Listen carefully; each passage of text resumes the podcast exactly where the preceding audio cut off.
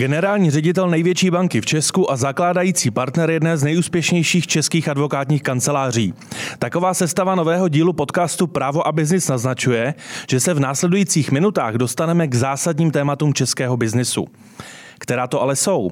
I na to se budu ptát Tomáše Salomona. Dobrý den. Dobrý den. A Marka Procházky. Dobrý den.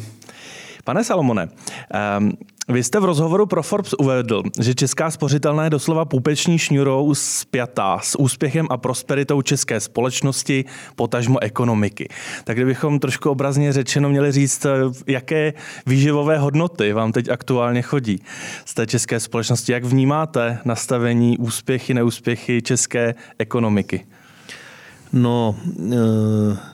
Já si za tím eh, tvrzením stojím a tu pomyslnou pupeční šňůru musíme vnímat eh, jednak eh, jako už téměř 200 let starou, protože spořitelně bude v roce 2025 200 let a mnohokrát se to v té historii potvrdilo, ale dvou stranou. To znamená, ta výživa proudí na jednu i na druhou stranu a my se snažíme být klientům po boku, velmi citlivě vnímat eh, vlastně co ovlivňuje jejich úspěch nebo neúspěch, v jakém prostředí žijí a jak jim můžeme pomoct.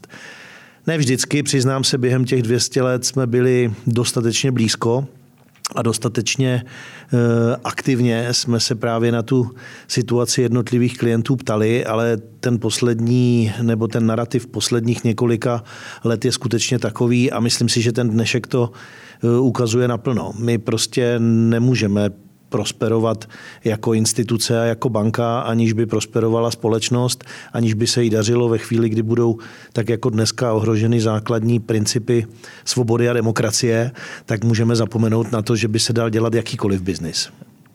Takže to chápu správně, takže v aktuální situaci ta česká společnost úplně neprosperuje. No rozhodně eh, je potřeba, aby jsme velmi aktivně bojovali právě za ty základní hodnoty a myslím si, že ty poslední dva, tři roky, včetně té covidové pandemie, nám, eh, nás donutili, aby jsme se podívali na to, eh, co jsou ty základní hodnoty, protože ta párty deseti nebo téměř 15 letá, kterou jsme zažívali, nám dala možná zapomenout na to, že všechno začíná a končí se svobodou, s demokracií, se zdravím. A e, myslím si, že to zamyšlení, jestli je něco pozitivního na těch posledních dvou, třech letech, tak je to právě ta povinnost a nutnost si e, položit tady tyhle otázky a velmi aktivně za svobodu, demokracii a za, za zdraví vlastně bojovat, protože bez toho není nic.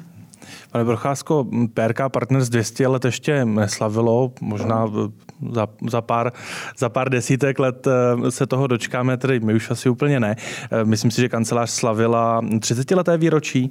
Je to tak? My příští rok nám bude 30 let, příští rok ale bude 30 občanský let. zákonník z Rakouska je tak, který nás nadále ovlivňuje a je tak zhruba tak 200 let. Jo? Takže jako, když, takže... Jsme, když jsme tady viděli tu pupeční šňůru pomyslnou v kontextu společnosti, eh, která je zde dvě století, tak jak je to u toho Benjamínka, u té 30 leté? Vnímáte také podobně, že aktuálně v určitém ohledu česká společnost a potažmo i ekonomika nutně neprosperují?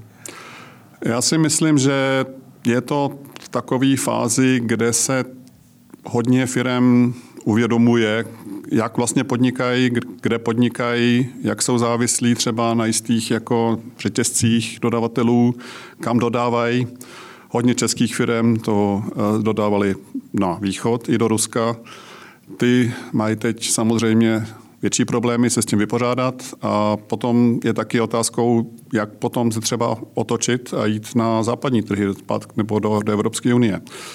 A jestli jsou to ty stejné produkty, které vypadá, a jaký jsou tam ty stejné právní normy, že jo, taky, které tam prostě chceme vyvážet. Takže my jako země, která je silně závislá na průmyslu, se v tomto taky musíme zamyslet, jak trošku dál a jak, jak jestli to, jestli, jak tady bylo, jak ta party když, ne, když nebude pokračovat, jaký jsou ty hodnoty, ale taky i výrobní kvality, anebo prostě ty hodnoty těchto vlastního produktu, které budou úspěšní i v příštích deseti letech.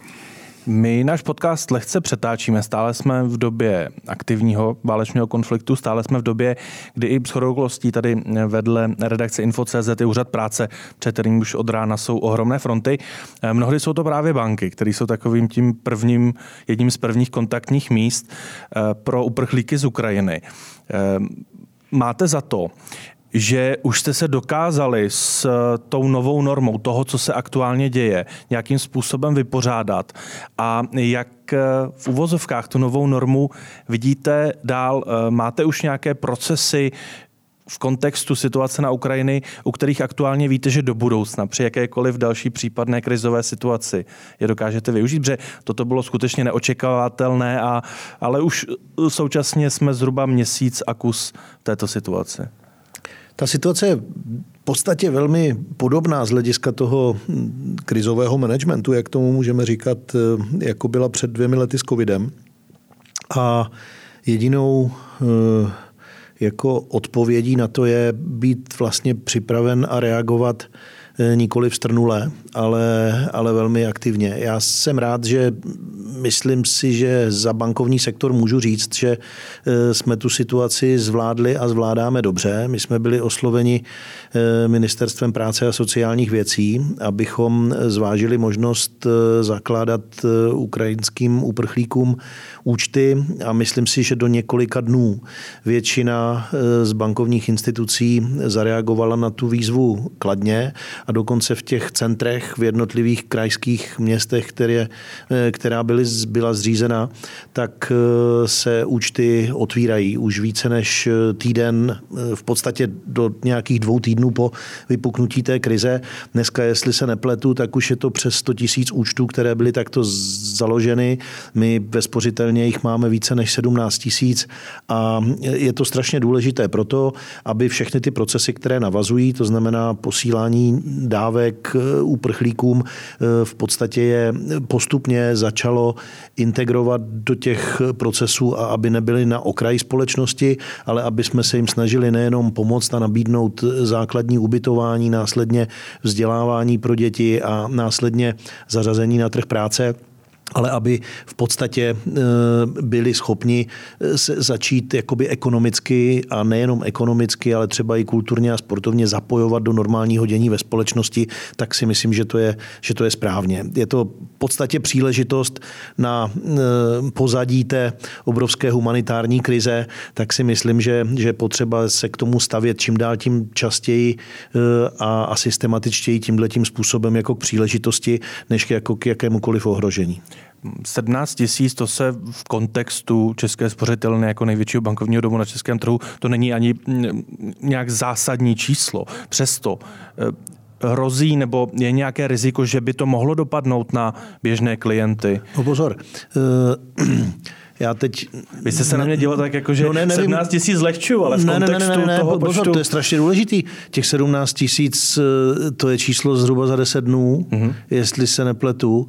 A eh, já si myslím, že my zakládáme jako zhruba 20 až 30 tisíc účtů měsíčně při běžném mm-hmm. stavu. Takže jestliže 17 tisíc je navrh tady k této částce a jsou to noví lidé, kteří přicházejí z Ukrajiny, tak si myslím, že to je významná část a my zdáleka nemůžeme říct, že by to byl konec. Takže já si myslím, že to je velké číslo a je strašně dobře, že to, protože my jsme vystavěli v podstatě provizorní pobočky právě v těch mm. krizových centrech a je strašně důležité, aby ti lidé věděli, že prostě tam si mohou založit účet a následně požádat o vyplacení té e, základní ekonomické částky, aby mohly fungovat a existovat. A ten případný dopad na další klienty banky očekáváte kromě takového toho běžného lidského, že na pobočkách je teď eh, větší nával, což je naprosto pochopitelné? Ne, já si nemyslím, že by to běžné klienty mělo ovlivnit. Teď nemluvím o celkovém dopadu eh, té války a krize a následném ekonomickém vývoji. Ta si myslím, že se dotkne téměř každého z nás. O tom se případně můžeme bavit. Ale že by naši současní klienti vnímali díky tomu, že se věnujeme eh, uprchlíkům a ukrajinským občanům nějaký pokles kvality a standardů poskytovaných služeb, to si vůbec nemyslím. Pane Procházko, když už tady byly zmíněny ty predikce, tak eh, v souvislosti s těmi prvními sankcemi, v souvislosti s tím, když válka začala, tak se hodně predikovalo, jak to hmm. dopadne na určité, eh, určitá průmyslová odvětví na biznis. Teď už máme nějakou dobu a můžeme i vyhodnotit možná i v kontextu debat, které vedete se svými klienty. Jestli někde vidíte skutečně už v dnešní době zásadní dopad na nějakou biznisovou oblast a případně jaká to je? Jako covidu jsou to různé odvětví, které s tom na to reagují různě. Zejména samozřejmě firmy, které obchodovaly eh, s Ruskem, nebo a tam eh, samozřejmě taky klienti, kteří měli bankovní účty v jistých bankách, které už nejsou obslouženy, tak eh, tam pomáháme těm klientům. Ehm, je tam disrupce v dodávání, je tam odpadává možná trh tak se tam řešíme tyhle ty problémy, které z toho plynou. Je to ještě částečně hodně nejasný, takže jako musí se na tom pracovat. Ten dopad je sice jako politicky i hned, ale potom, než se to potom projeví u těch konkrétních sankcích, nebo jak to konkrétně platí, kdo tam na těch seznamů třeba konkrétně je, že jo, tak je to potom těžké zjistit, jak, jako, jak, to, jak to funguje. Jestli klient může nadále podnikat, anebo třeba ne. Jo. A jestli pak potom se rozhodne dál podnikat, anebo ne, to je potom další otázka. Ehm, takže je to, je to takový, je to nadále vývoj a každý den se to mění. Současně nejš, nejsilnější evropská ekonomika Německá snížila svůj výhled růstu HDP. Ehm, My, když jsme se o tom ještě před, podcast, před podcastem neformálně bavili, tak vy jste to označil za určitou špatnou i atmosféru. Ehm, vnímáte, že to může skutečně nějakým způsobem dopadnout i na, na ty eh, predikce toho, jak se bude vyvíjet ekonomika v Německu? Je to taková vlajková loď Eh, nějaký ten prvotní impuls? Tak já nejsem ekonom, jsem nicméně jako, jako business právníci občas vidíme nějaký vývoj je trochu dřív, protože děláme ty transakce, které se potom nějak projeví. Um, a taky vnímáme, jak fungují klienti, zejména i mezinárodní korporace. Uh, ano, v Německu to jsou úplně nejnovější zprávy v posledních dnech, takže ta, ta atmosféra, to je taková skoro takové něco psychologického, že není úplně dobrá. A pro náš eh, region je pak otázkou, jestli jako i my jako střední Evropa nebudeme vnímáni jako prostě něco jako krizová oblast. Co znamená, jestli to není hned, ale to je, kam potom že jo, poteče kapitál, kam bude vývoj, kde bude, eh, kam budou nadnád, prostě když se rozhoduje, kam třeba postavíte novou nějakou fabriku nebo, nebo, nebo ústav, nějaký vývoj, tak si to uděláte třeba někde ve Španělsku nebo v Portugalsku nebo ve střední Evropě, pak bude to nějaká otázka. Že? To se může, já, já to nechci říct, to, že to může, ale prostě, ale prostě to, je, to, to je takový mm-hmm. to, co se říká, jako, že jo, máte, máte různý rizika, mm-hmm. máte finanční riziko, to, jako to je klasický bankovnictví, máte i politický riziko, tam už je to takový trošku háklivý.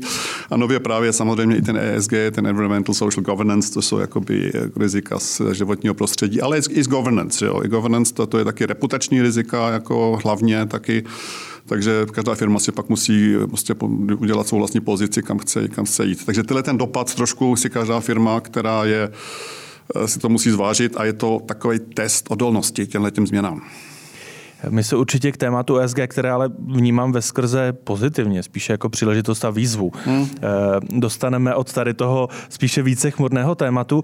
Ještě ale poslední dotaz eh, v souvislosti s děním na Ukrajině a celkově eh, těch společenských změn. V minulosti byly určité snahy naznačovat, že ten bankovní segment může být snadno destabilizován podobnými, podobnými událostmi. My jsme viděli, že aktuálně není a předpokládám, že ani neočekáváte, eh, že by v souvislosti s děním na Ukrajinou, případně dalšími možná podzimními vlnami covidu by mohl být bankovní segment destabilizován. Ne, tak eh, to už eh, skutečně v České republice dlouhodobě nejenom tvrdíme, ale fakticky vidíme, že bankovní sektor je jednak velmi dobře kapitálově vybaven, velmi zdravý a velmi prakticky schopný reagovat na věci, které se odehrávají v reálné ekonomice a spíš klienty a stát podporovat, než že by mu způsobovali nějaký problém. Nemyslím si, že by tomu tak bylo jakoby úplně v celé Evropě. Ta stabilita a, a vybavenost kapitálem není napříč Evropou stejná, ale myslím si, že my skutečně v tomhle patříme mezi premianty jako Česká republika a to po stránce všech možných ukazatelů právě té kapitálové vybavenosti. Máme velmi přísného a můžu říct snad spravedlivého regulátora, eh, který dohlíží nad, nad tím zdravím toho bankovního trhu. A Eh, v každém případě z tohohle toho pohledu si myslím, že banky mají co nabídnout a můžou být oporou ekonomiky a státu. Jo. Já se ještě možná vrátím k té předchozí otázce velmi krátce. Eh, to geopolitické riziko, nebo spíš to vnímání toho, eh, jak se ten svět dneska mění, je nezanedbatelné. Ať už se to týká Německa, ale nebo vemte si, ta východní část Evropy byla vždycky vnímaná trošku možná okrajově i v těch evropských debatách eh, hrála spíš sekundární roli a rozdávaly se karty mezi Německem, Francií a kdysi Británií ještě před mm, Brexitem. Mm. Já si myslím, že i tohle se v té dnešní situaci může změnit. I tohle můžeme vnímat jako příležitost, kdy ty eh, státy, které jsou blíž k tomu konfliktu, eh, se velmi aktivně chopily té příležitosti, jsou aktivní v tom jednání v Evropě. Myslím si, že významně ovlivnili sentiment hmm. Evropy jako takové a já si myslím, že to je taky jedna z dobrých zpráv, že eh, bychom měli tvořit tu evropskou politiku spíš než přihlížet a doufat, že se nám nestane nic zlého. A s tím souvisí samozřejmě i ten sentiment, jestliže eh, jsme, včetně Německa, významně závislí na dodávkách plynu anebo ropy právě ze strany Ruska, to znamená dnešního agresora, tak nelze než eh, to vnímat a eh, vidět jako i z hlediska té udržitelnosti mm, velmi mm. složitý precedent a je potřeba se podívat, jak co nejkratší době tu závislost eh, snížit anebo úplně odstranit. Jo. Co proto může udělat český biznis, potažmu průmysl, a teď myslím proto, abychom byli u toho stolu, kde se rozdávají karty. Je to možná eh, více eh, zvednout tyto téma té druhé ekonomické transformace, protože samozřejmě to politické zelení, to je jasné. Mm. Býti tam, býti více progresivní, ale je nějaká oblast, kde vy vidíte, že může, mohou zásobci českého biznisu pomoci s tím, abychom zvedli svůj vliv? No je jich spousta a já si myslím, že Eh, je potřeba se na to aktivně připravit a být u těch jednání, to znamená ne z křesla nadávat na Brusel a jeho e, úředníky, ale vypravit se do Bruselu, pochopit, jak funguje vlastně evropská politika, evropské vyjednávání, zařadit se do těch struktur, kde se o těch věcech rozhoduje a tam být slyšet. Já si myslím, že náš současný premiér nám dává poměrně dobrý příklad toho, že to není tabu a že to jde, takže z toho mám radost a, hmm. a já si myslím, že biznis v České republice dospěl, to říkáme taky poměrně často a že je připraven formulovat eh, právě to, co si myslíme, že je správné a je to aktivně prosazovat jakoby v Evropě. Z toho mám vlastně radost, s tím je spojená ať už ta, ehm, řekněme, snaha o druhou ekonomickou transformaci, ale i v kontextu toho dnešního probíhajícího konfliktu vlastně příležitost redefinovat možná některá tabu i v souvislosti s mhm. udržitelností. Mm. Jo.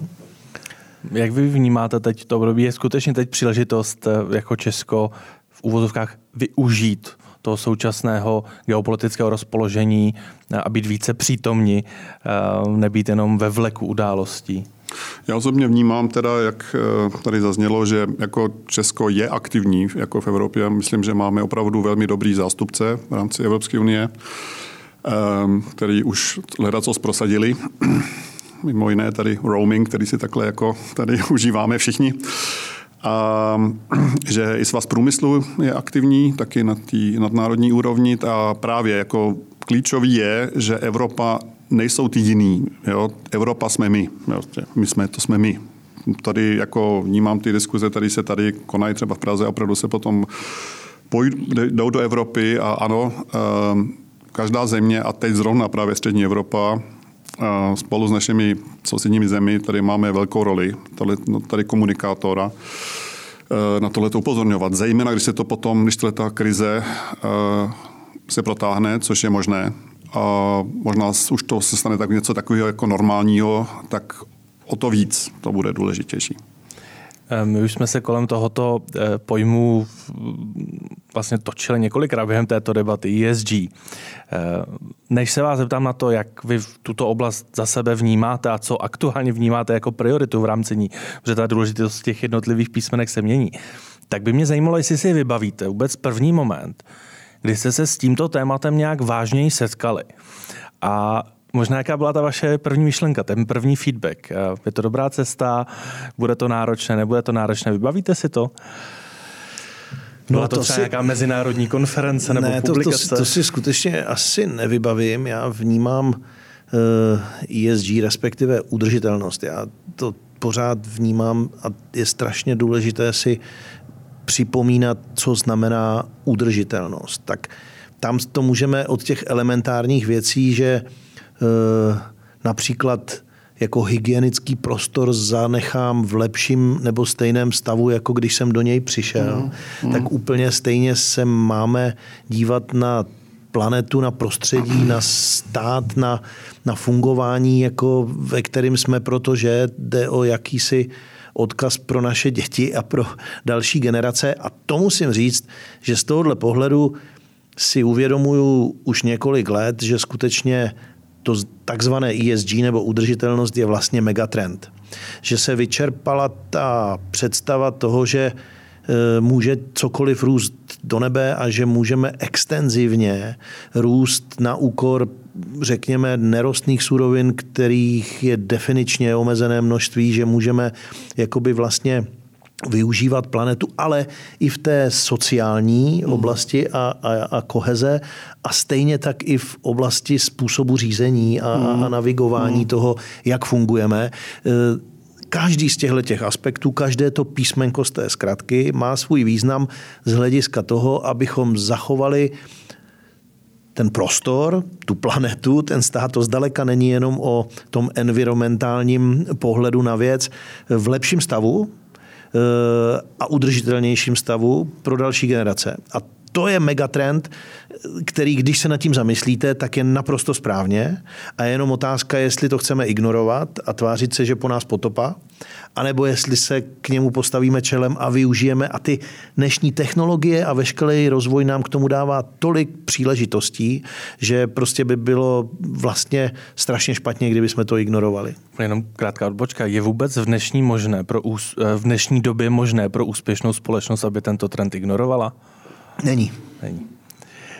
Pane Procházko, vybavíte si vy, kdy jste se poprvé dostal k této specializaci v rámci, v rámci advokacie? No u mě je to poměrně jednoduché, protože je to jak v rámci advokacie, protože naše kancelář dělá často, je známá pro bankovní a finanční právo, ale v mém případě je to tak, že já jsem ještě nedávno udělal post, postgraduální eh, magistr filozofie v Měchově a já jsem svoji z hlediska business etiky a já jsem vlastně svoji práci prá, moji magisterskou práci přímo na tohle téma psal. No tak výborně, máte štempel na udržitelnost. mě spíš překvapuje, mě opravdu překvapuje, že zrovna ESG, jako tam je tam se různý udržitelnost, tam jsou různý možný témata, že zrovna ten ESG se stal opravdu teď jako tak prominentní, protože ten, ten výraz pochází vlastně od kapitálových trhů, jo? ten nepřichází z nějaké filozofické fakulty, to taky nepřichází eh, z Evropské unie nebo nějakých politických instancí, tam ty názvy byly vlastně v podstatě jiný, tam bylo prostě sociální odpovědnost, odpovědnost, udržitelnost eh, a tak. Eh, a ESG jsou fakt jako to je riziko. To je riziko, to jsou, to jsou investoři v Londýně a v New Yorku řekli, to je riziko. Prostě pokud někdo způsobuje kandály v oblasti životního prostředí, sociální, tak to má dopad na jeho na hodnotu firmy a my prostě do takových firm my to chceme vědět.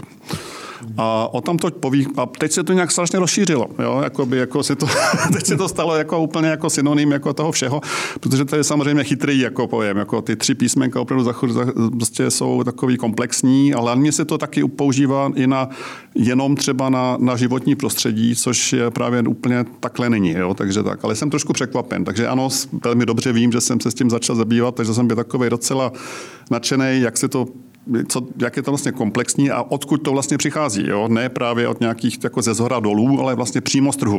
Takže vy byste rovnítko mezi udržitelností a ESG nedával, protože udržitelnost to je možná takové obecnější i filozofičtější pojetí toho, jak můžeme žít a zachovat planetu a ESG primárně vy vnímáte eh, v souvislosti s finančním trhem a určitými procesy a nastaveními.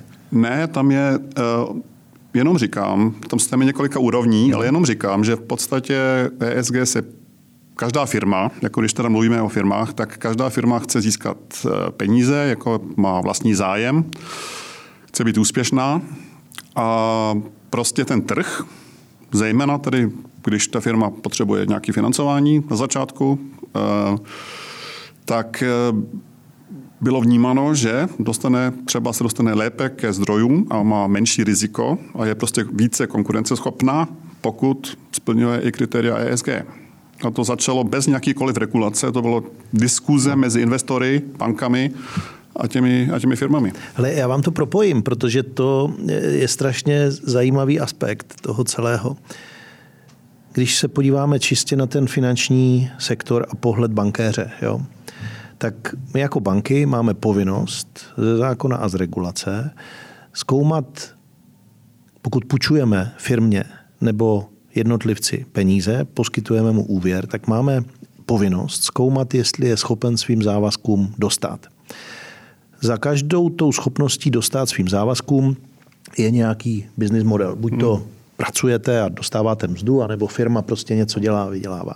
Takže my vlastně máme povinnost zkoumat, jestli ten obchodní model, který ta firma používá, je udržitelný, hmm. jestli náhodou ho něco neohrožuje a jestli se bavíme o tom megatrendu těch posledních let, kdy si to ten to prostředí čím dál tím víc uva, je, jakoby uvědomuje, tak je naprosto logické, že jak trhy, hmm. tak i potom jednotlivé finanční instituce bez ohledu na nějakou regulaci musí zohledňovat a správně zohledňují to, jestli obchodní modely jednotlivých firm a potom ty podmínky jsou buď to lepší, anebo dokonce to financování ani poskytnout nemůžete a neposkytnete.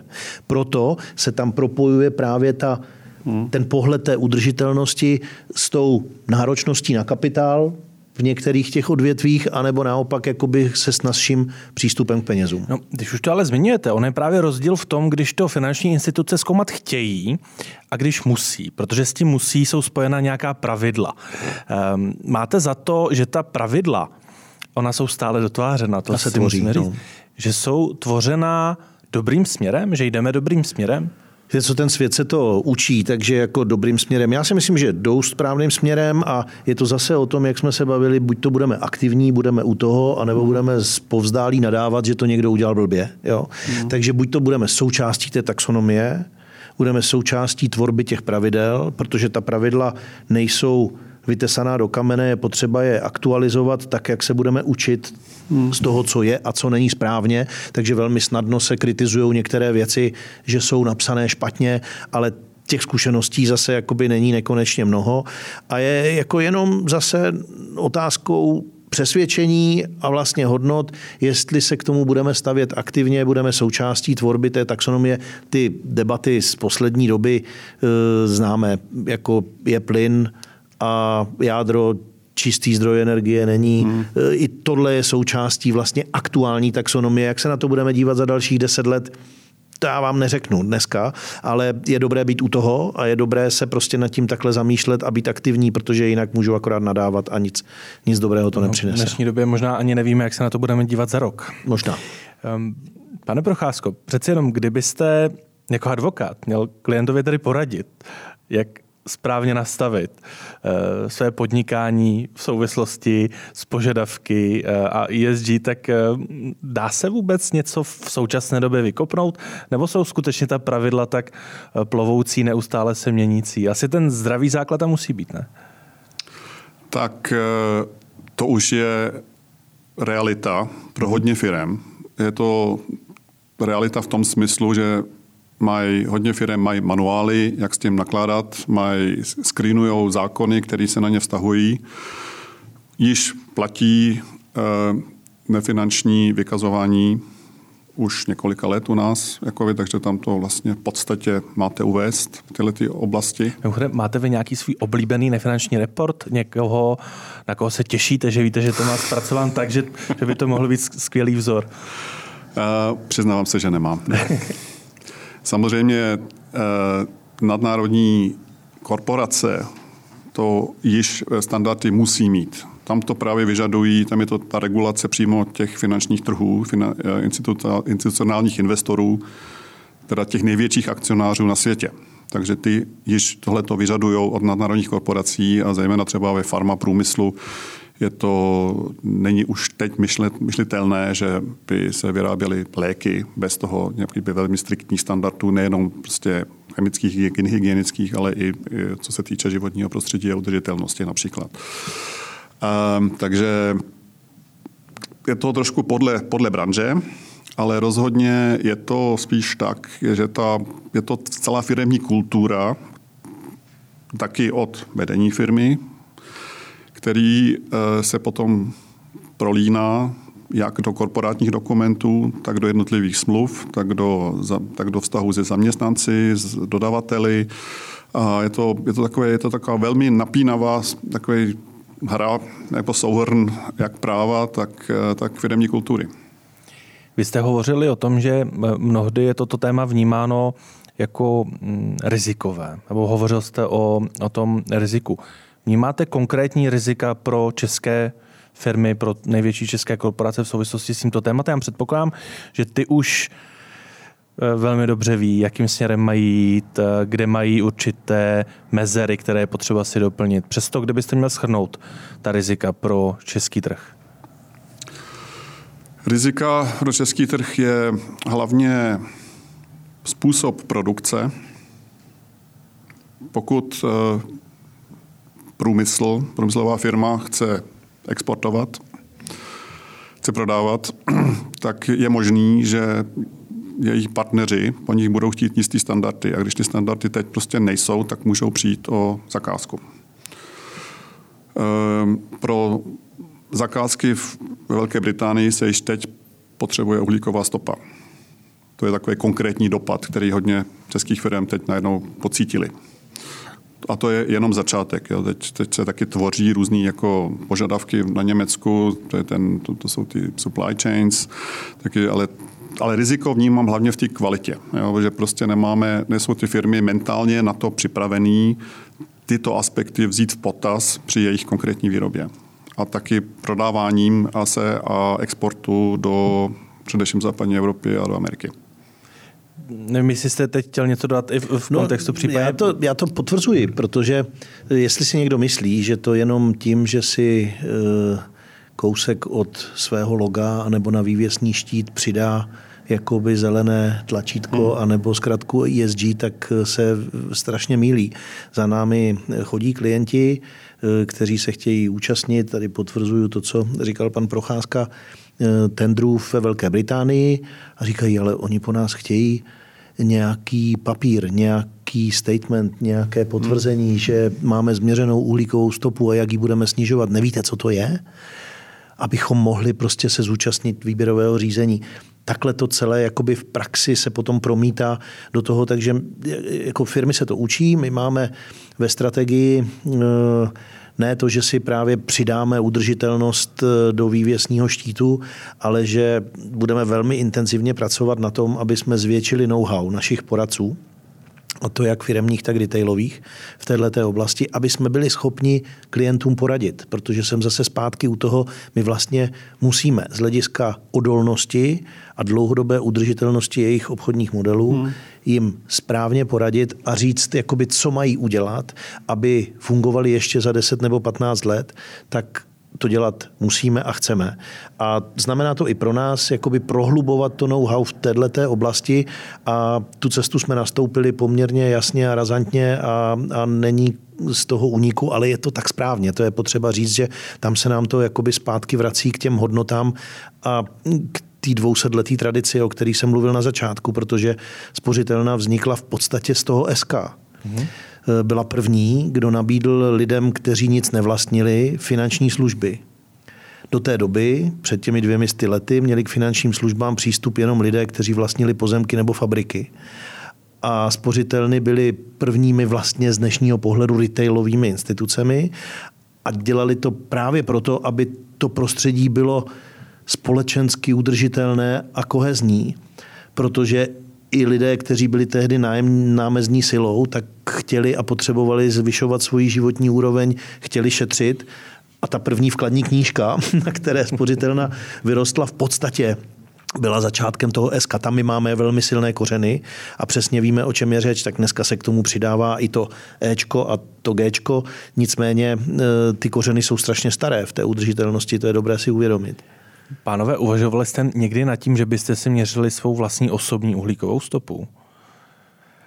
Pane Procházko. Ano. A měříte? Neměřím, ale uvažuji o tom hodně. Rozhodně uvažuji o tom, kde bych se v této oblasti, oblasti mohl zlepšit. E, to je osobní samozřejmě, osobní záležitost a to se týká potom spíš životního prostředí. Já určitě ano. Neměřím, úplně stejně jako pan Procházka. Nicméně už teď vedeme debatu, jako protože i z toho retailového trhu cítíme, že je větší a větší segment lidí, které to nejenom zajímá, ale chtějí aktivně znát, vědět a, a, a chovat se tak, aby e, jejich způsob života byl co nejudržitelnější. Hmm. A vidíme to ve všech možných trendech. Jo? Bez obalu a e, v, ve způsobu, jakoby kolik a čeho po nás zůstává z hlediska hmm. emisí, hmm. jakým způsobem se dopravujeme. Čili vůbec bych tady ten trend nepodceňoval. Myslím si, že z tohohle pohledu ta mladá nastupující generace má možná ty hodnoty líp srovnané než zrovna my ve středním věku. Hmm. Jo. Já to můžu k tomu dodat, že ten vliv sociálních médií je tam důležitý a třeba my tady v Česku v podstatě nemáme nějakou jednu velkou korporaci, která celosvětově prodává spotřebitelské zboží, jako třeba sportovní boty. Nebo jako, a ta, tam, když potom prodáváte takovýhle produkt a prodáváte ho opravdu celosvětově, tak tam uh, máte feedback. Máte feedback ty nejmladší generace a ty potom mají opravdu jiný požadavky. Jako, ty taky chtějí být někde zaměstnaný, kde se cítí dobře a kde možná ty, ty jejich hodnoty jsou respektovány, protože co se týče, jako byste tady zmínil pravidla, ale ano, je to takový konzens, který se ještě pořád jako učí a jistě je to zajímavý jako právník, že máme tady vlastně smlouvu, takovou nějakou sociální, jako a na základě těch pravidla jsou smlouvy, tak nějaký a potom, že se nad nich dohodneme a že nám, tohleto dohoda nás motivuje k nějakému chování. Jo, takže, ale to vlastně není úplně tak, jako poslední behavioral science, taková ta, ta, ta věda, která zkoumá chování, reální chování lidí, ukazuje, že největší motivace pro nějaké chování jsou společné hodnoty pokud se najdou společné hodnoty, tak tam ta mobilizace ta je mnohem větší ještě než prostě, prostě nějaký právní nebo prostě regulace. Takže když tady máte opravdu nejmladší generaci, která eh, má prostě nějaké hodnoty a začíná je prosazovat a chce je žít, tak se toho prostě nějak úplně nevyhnete. A samozřejmě Český průmysl, který je business business, jo, tam to možná prosaká trošku míň, o nějakým vyráběcí stroj se diskutuje na sociálních sítích třeba trochu méně než nějaký sneaker, ale prostě bude to tam. Ale já vám dám, já vám dám příklad, jakoby té, eh, protože to je strašně zajímavé téma, ta, ta společenská smlouva postavená na nějakých hodnotách a, a vnímání toho, co je důležité. Ve Finsku se společnost prostřednictvím referenda byla schopna zhodnout na tom, že akceptují jednoprocentní navýšení daně z příjmu, když jim vláda řekla, že celá ta částka, která se tímto způsobem vybere, půjde jako investice do vzdělání a vzdělávání. A to je jakoby strašně hezký hmm. příklad společenské smlouvy, hmm. kdy ta vláda má odvahu tohleto navrhnout, ta společnost to akceptuje, možná ne ze 100%, ale většinově určitě. A je to taky krásný příklad toho, jako jak si společnost uvědomuje, co je udržitelné a co je vlastně správně, do čeho bychom měli investovat. Současně vy jste tento eh, příklad před koncem loňského roku eh, zmiňoval ve velkém rozhovoru pro seznam zprávy. Eh, dostal se k vám poté nějaký feedback typu tohle je dobrá myšlenka, pojďme se o ní pobavit v nějaké oblasti? Tak ty, ta, ta vystoupení rezonují různým způsobem. Většinou jakoby fajn, vždycky se najdou nějací trolové, kteří prostě řeknou, že to je utopie, nebo že to je hmm. špatně. Já jsem ale myslel v tom dobrém slova Ne, v tom dobrém slova smyslu se to určitě jakoby promítlo eh, a já si myslím, že prostě ten základní hodnotový přístup. To znamená, že si uvědomme, že zdraví, svoboda, demokracie, vzdělání je něco, co jakoby nás dlouhodobě profiluje a zařazuje buď to mezi jako pokrokové, prosperující, demokratické společnosti a nebo hold nás staví na okraj, to je strašně důležité. Jako jak jsme schopni za svobodu bojovat, postavit se za demokratické principy, eh, být se za to, aby naše děti měly přístup a rovný přístup jakoby k lepšímu vzdělání a vzdělávání než dneska. Hmm. To jsou jako vlastně eh, takzvané purpose-driven strategies a hodnotové strategies, které jakoby jednoznačně vítězí v posledních letech a vlastně dobrá, velká, úspěšná společnost se bez toho neobejde. Musí postavit svoji budoucnost na hodnotách a na strategii, která má smysl. My jsme s hodnotami začínali tento podcast. O hodnotách hovoříme eh, lehce před koncem tohoto podcastu, ale teď bych to ještě na malinkou chvíli zpátky vztáhl eh, ke konkrétnější věci, opět v souvislosti s ESG. Kdybyste mohli nadraftovat, samozřejmě ne v plném rozsahu, ale alespoň základní body toho, jak by podle vás měly, by, měly být nastaveny podmínky pro financování v kontextu ESG, co je podle vás nejdůležitější, a případně jaké informace nutit firmy sledovat, sbírat eh, a podobně. Já si vybavím, když jsme jako malá agentura eh, vyplňovali eh, dodavatelský dotazník pro jednu velkou nadnárodní korporaci. Museli jsme se hned v několika bodech věnovat tomu, jestli nezaměstnáváme otroky, když to takto řeknu. Hmm v kontextu malé agentury možná zbytečná informace, ale důležitá v kontextu jiné. Takže ono samozřejmě nastavit jednotná pravidla je taky těžké, ale kdybyste měl za sebe vy vybrat to, co vám přijde nejpodstatnější a dát tím vzkaz případně do Bruselu, na to to nezapomeňte. Jo, to je, eh, to, je strašně složité, protože je to eh, trošku odvětví eh, od odvětví asi různé. Jo? Jsou mm, zpracovatelské mm, průmysly, mm. zmiňoval tady pan Procházka ty velké řetězce a velké firmy, které jakoby chrlí obrovské množství spotřebního zboží. Ale my na půdě ČBA máme jako pracovní skupinu a komisi, která se věnuje udržitelnosti.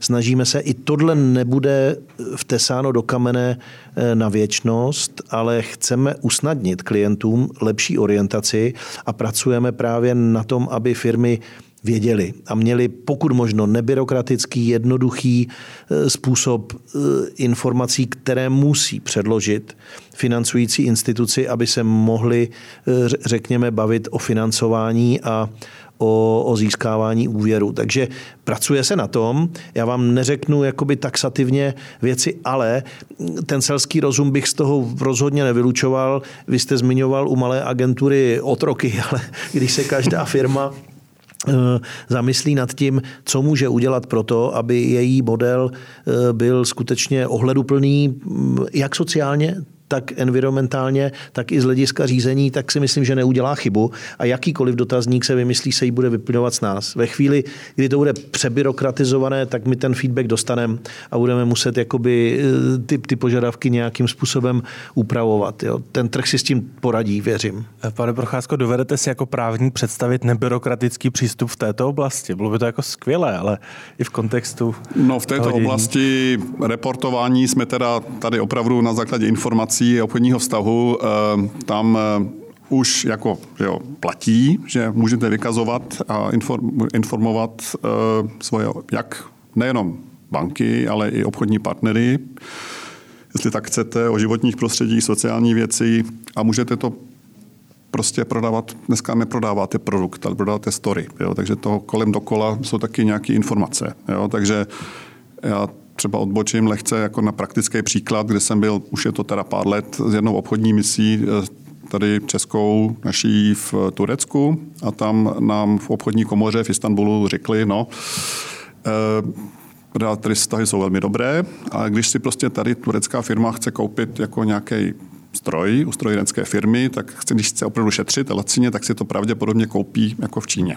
Ale když potom na, nějaký, na nějakou konkrétní produkt potřebuje kvalitní, dobrý, který vydrží velmi dlouho, tak si to koupí v západní Evropě, Německu, třeba i v Americe.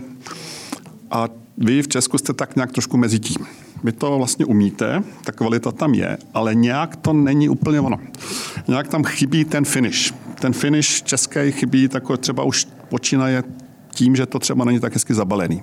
Jo, že tam ta story, že tam tak dokonce trošku, ale ta kvalita tam jakoby je. Takže já bych si myslel, že by tam jako to reportování, to se samozřejmě netýká přímo tohoto, ale prostě jako tak ten vlastní produkt, opravdu tu kvalitu, která tam již máme, hmm. prostě taky lépe prodáme.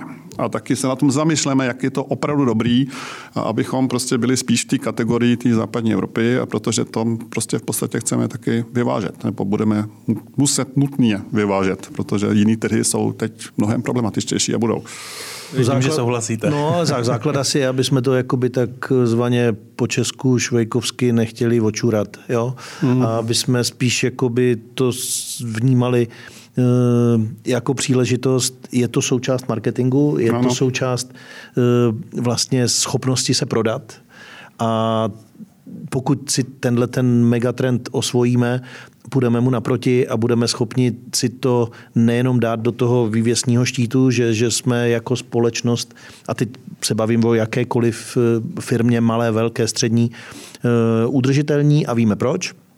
A chápeme taxonomii a chápeme tak, jednak se nám jakýkoliv dotazník bude vyplňovat velmi snadno a jednak eh, si myslím, že nám to strašně pomůže v prosazení české značky na trhu anebo jakéhokoliv výrobku, který ta firma produkuje. Takže já jenom můžu doporučit jakékoliv firmě, tam bez ohledu na to, čím se zabývá, aby se tou oblastí zabývala velmi aktivně, protože to dává smysl, jak z toho hodnotového pohledu, tak i z toho ekonomického pohledu a, a může jim to jenom pomoct.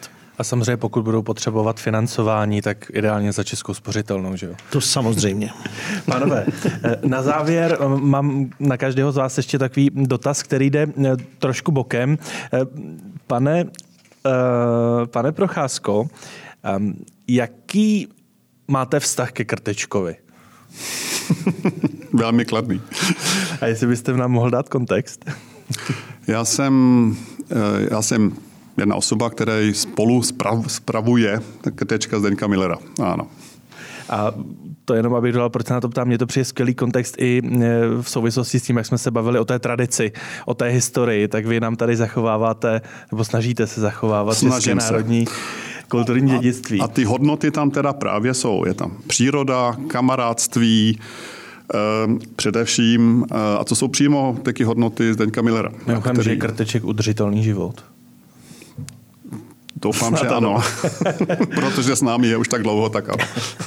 Eh, pane Salomone, mě by zajímalo, jestli je nějaký zásadní rozdíl eh, mezi vámi jako eh, generálním ředitelem České spořitelny, mezi vámi jako prezidentem České bankovní asociace, mezi vámi jako členem Nervu a mezi vámi jako fyzickou osobou. Vnímáte, že musíte občas přepínat mezi těmito rolemi?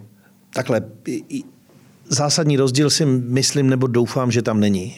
Ten hodnotový základ, o kterým jsme se tady bavili, se snažím si držet stejný ve všech těch pozicích, co není úplně jednoduché si občas přehodit tu čepici nebo ten klobouk, aby si člověk uvědomil, z jakého eh, titulu hovoří, protože jako šéf České spořitelny jsem vlastně povinen z péčí řádného hospodáře zpravovat jakoby majetek akcionářů. Hmm.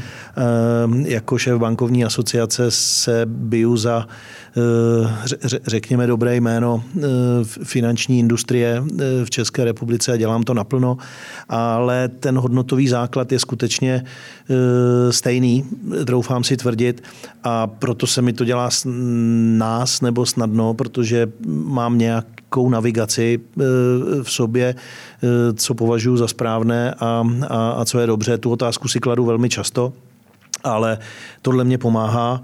Eh, v každém případě každému doporučuju, protože já to tak mám, že, že, že ve chvíli, kdy dělám věci, kterým věřím a který si myslím, že jsou správný, tak eh, se mi to dělá mnohem s nás, než když to jde takzvaně přes závity a musím přemýšlet, jestli jako mě to stojí za to nebo ne. Tak já to teď tak naštěstí mám. Hmm. Eh, mě ta práce nejenom, nejenom baví, ale mě i naplňuje a, a, a vidím, že dává smysl a, a, a proto eh, to můžu každému jenom doporučit, aby se zamyslel, jako co dělá, nad, nad, nad čím a, a na, na základě jakých hodnot. A současně je to takto udržitelné. To je také to klíčové. To je jedna z podstatných hodnot, jako právě ta udržitelnost a, a nějaká sociální koheze. Pánové, já přeji vám i posluchačům podcastu Právo a biznis a žijeme jen v úspěšné a prosperující české společnosti za účast v dnešním podcastu. Děkuji Tomáši Salomonovi. Já vám moc krát děkuji za pozvání. A Markovi Procházkovi. Děkuji velice.